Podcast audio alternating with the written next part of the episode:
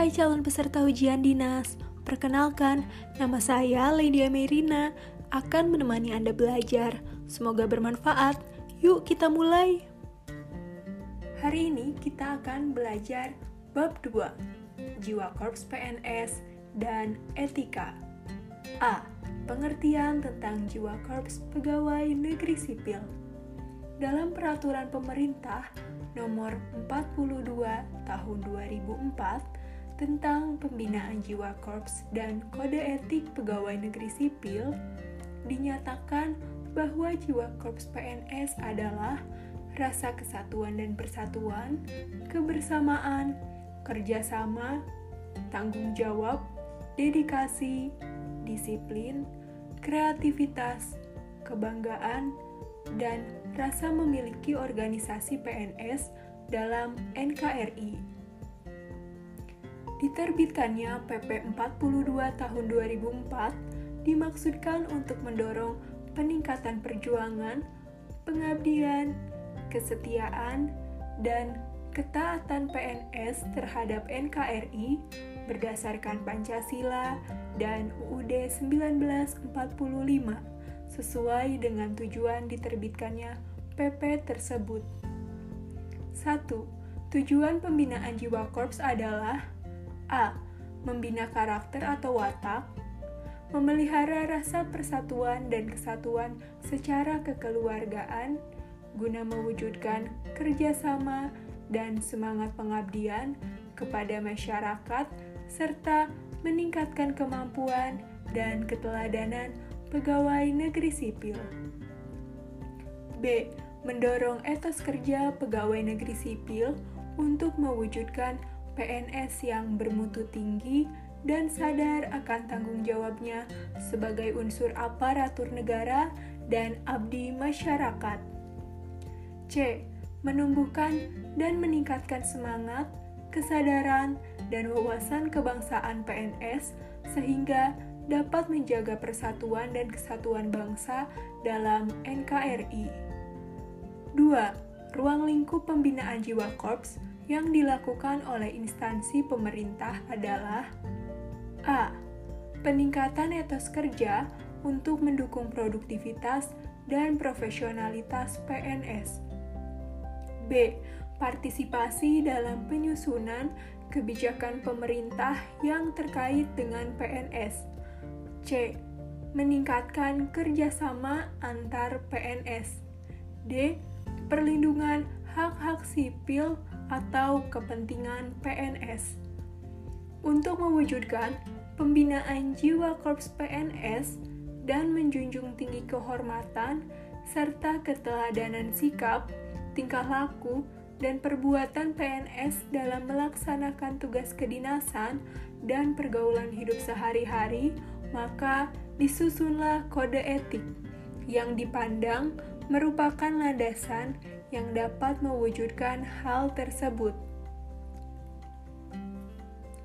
Kode etik disusun secara tertulis atas nilai-nilai, norma-norma, atau kaidah-kaidah untuk mengatur perilaku moral PNS yang harus dipatuhi dan ditaati oleh setiap individu PNS sehingga kode etik ini berfungsi sebagai panduan perilaku PNS sehari-hari dalam pergaulan dan kedinasan agar dapat menjunjung tinggi kehormatan dan keteladanan sikap. Menurut PP 42 tahun 2004, setiap instansi pemerintah dalam menyusun kode etik harus mempertimbangkan nilai-nilai dasar yang ditetapkan dalam peraturan tersebut, antara lain 1. Ketakwaan kepada Tuhan Yang Maha Esa 2. Kesetiaan dan ketaatan kepada Pancasila dan Undang-Undang Dasar 1945 3. Semangat nasionalisme 4.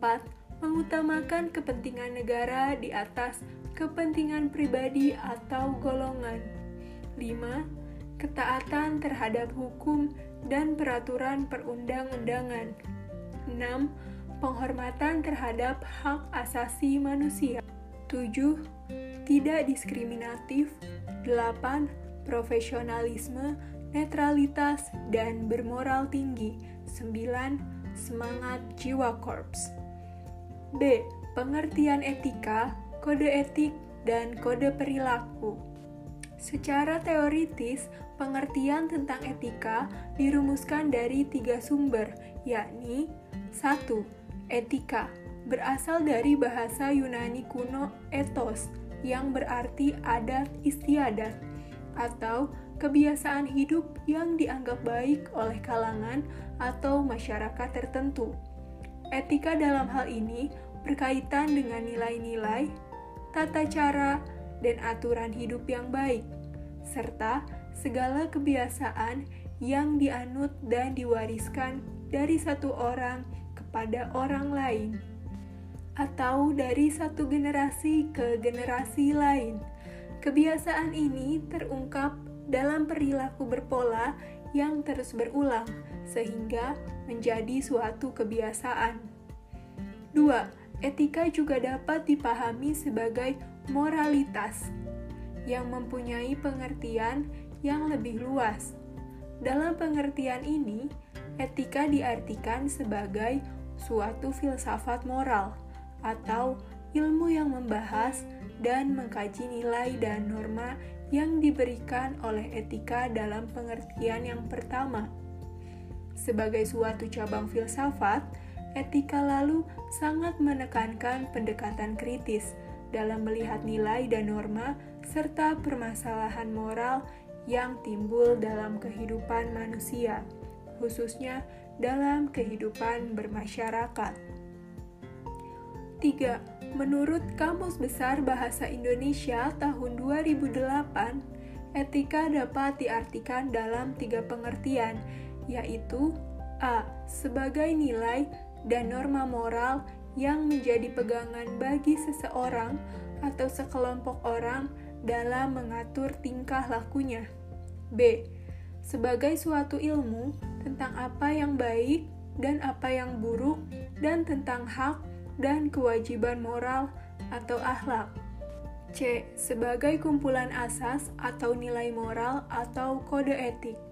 4 Etika merupakan sistem penilaian perilaku serta keyakinan untuk menentukan perbuatan yang pantas guna menjamin adanya perlindungan hak-hak individu, mencakup cara-cara dalam pengambilan keputusan untuk membantu membedakan hal-hal yang baik dan yang buruk, serta mengarahkan apa yang seharusnya dilakukan sesuai nilai-nilai yang dianut.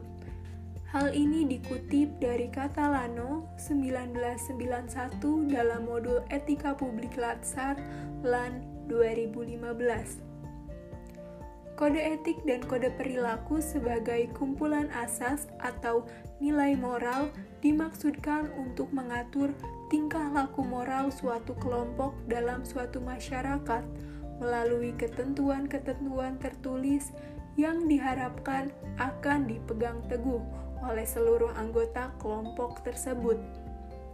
Agar kode etik dan kode perilaku dapat berfungsi dengan baik, maka harus disusun oleh organisasi itu sendiri dengan memperhatikan kondisi real yang terjadi pada organisasi yang bersangkutan, sehingga kode etik dan kode perilaku itu diharapkan dapat dijiwai oleh cita-cita dan nilai-nilai yang berlaku pada organisasi tersebut.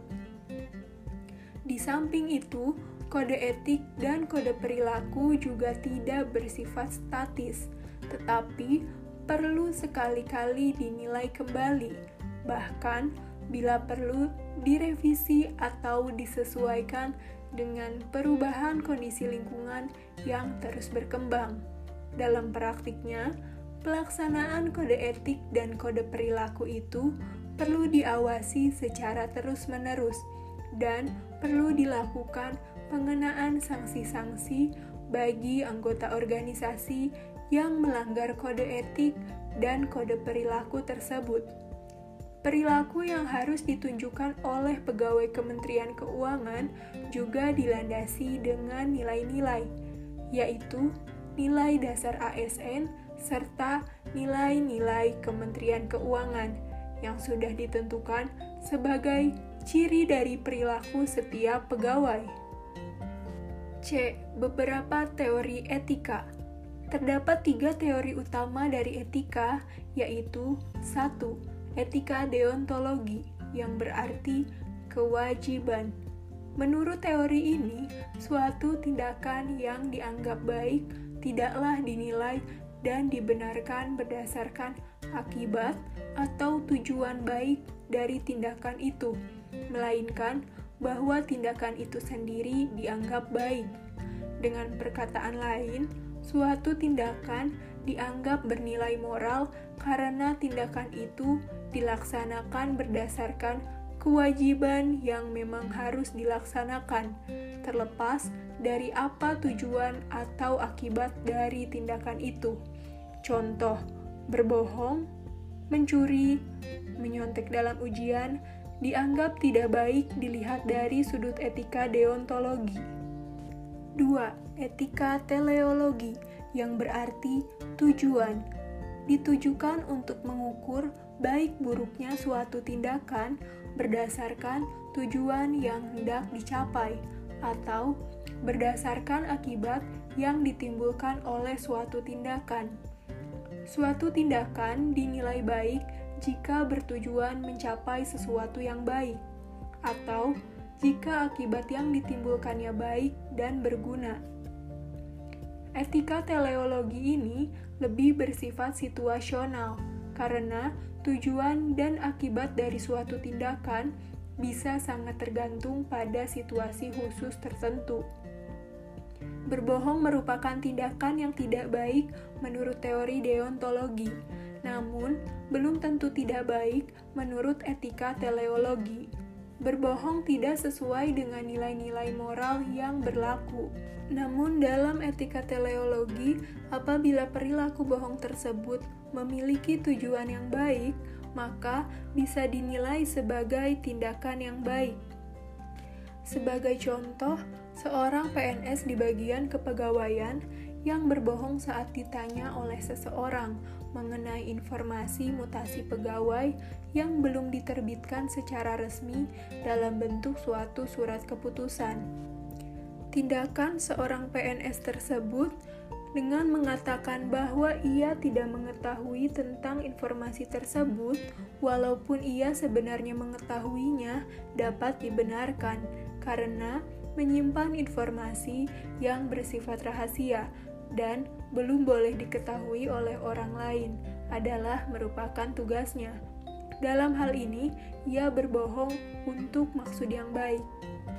3. Etika keutamaan berbeda dengan etika deontologi dan teleologi, karena etika keutamaan tidak mempersoalkan akibat dari suatu tindakan, serta tidak melakukan penilaian moral berdasarkan norma-norma universal.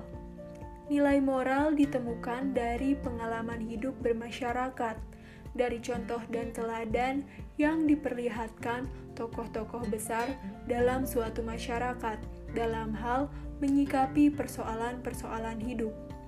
Dari teladan hidup orang tersebut dikenal nilai-nilai moral seperti kesetiaan, kejujuran, kesediaan berkorban, kasih sayang, keberanian, dan sebagainya. Menurut teori ini, orang bermoral tidak ditentukan oleh kenyataan bahwa ia melakukan suatu tindakan bermoral, melainkan ditentukan oleh kenyataan dalam keseluruhan hidupnya, yaitu bagaimana ia menjalani hidup, apakah ia memiliki kecenderungan dalam bersikap dan berperilaku terpuji dalam menghadapi persoalan hidup, bukan dinilai berdasarkan tindakan satu persatu dalam menentukan kualitas moralnya. D. Macam-macam etika Etika secara umum dapat dibagi menjadi dua kategori, yaitu satu, Etika umum.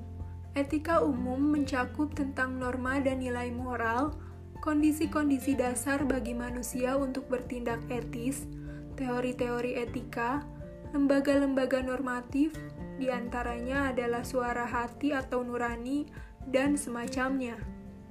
Etika umum sebagai ilmu atau filsafat moral dapat dianggap sebagai etika teoritis, walaupun istilah ini sesungguhnya kurang tepat, karena bagaimanapun etika selalu berkaitan dengan perilaku dan kondisi praktis serta aktual dari manusia dalam kehidupannya sehari-hari dan tidak hanya semata-mata bersifat teoritis.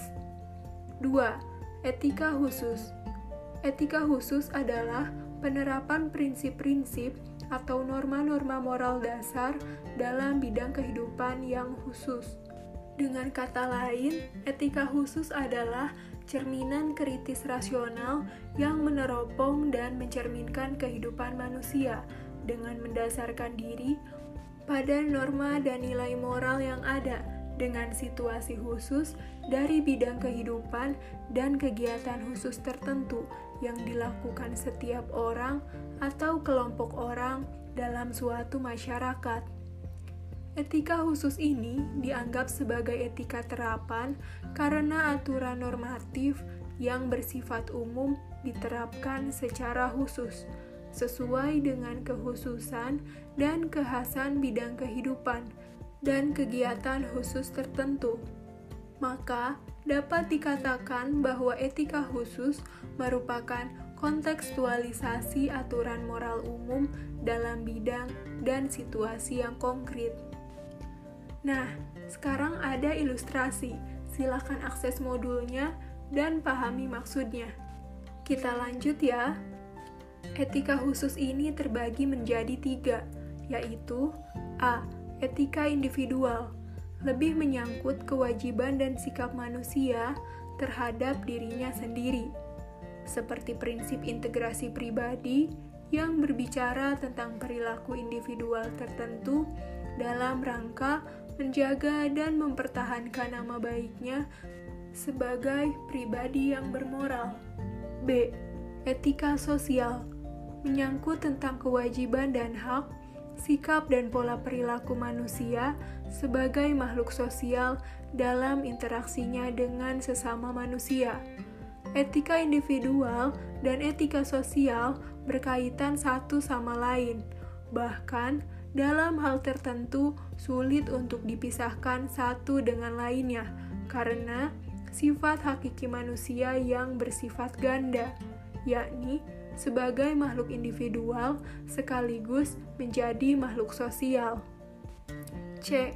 Etika lingkungan adalah merupakan etika khusus yang akhir-akhir ini semakin ramai dibicarakan. Etika lingkungan berbicara mengenai hubungan antara manusia, baik sebagai makhluk individu maupun sebagai kelompok, dengan lingkungan alam yang lebih luas dalam totalitasnya, dan hubungan antara manusia yang satu dengan manusia lainnya yang berdampak langsung atau tidak langsung pada lingkungan hidup secara keseluruhan. E. Arti penting etika dalam organisasi.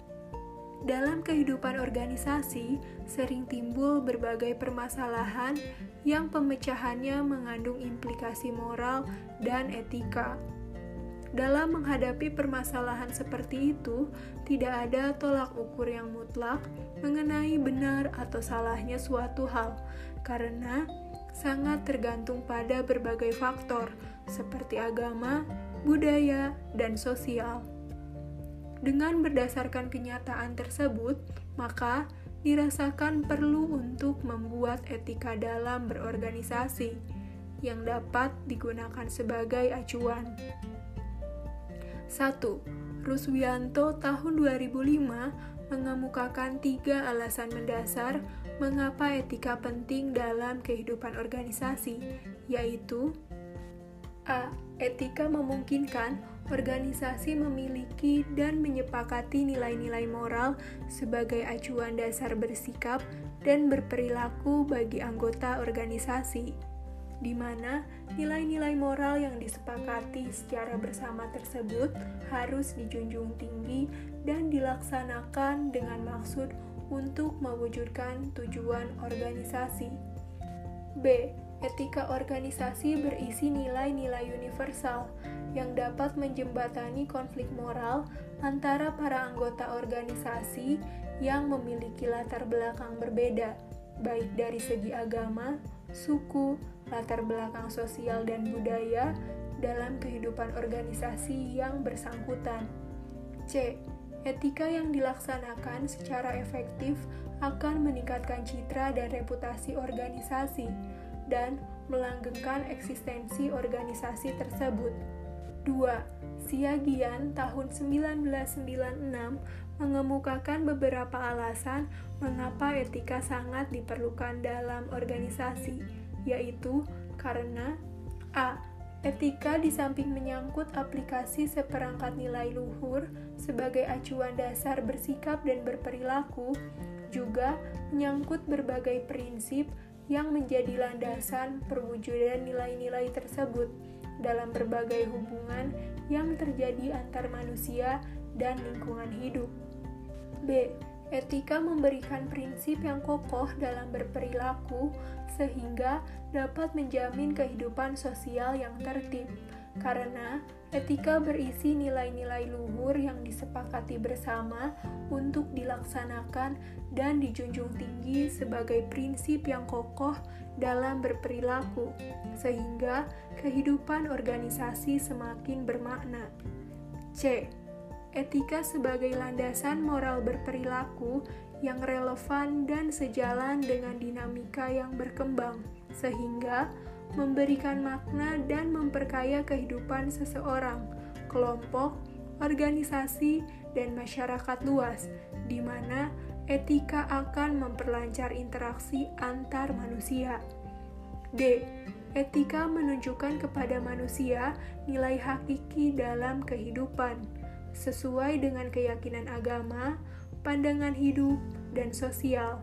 Dengan kata lain, bahwa etika berkaitan langsung dengan sistem nilai manusia, mendorong tumbuhnya naluri moralitas, nilai-nilai hidup yang hakiki, dan memberi inspirasi kepada manusia untuk secara bersama-sama menemukan dan menerapkan nilai-nilai tersebut bagi kesejahteraan dan kedamaian umat manusia.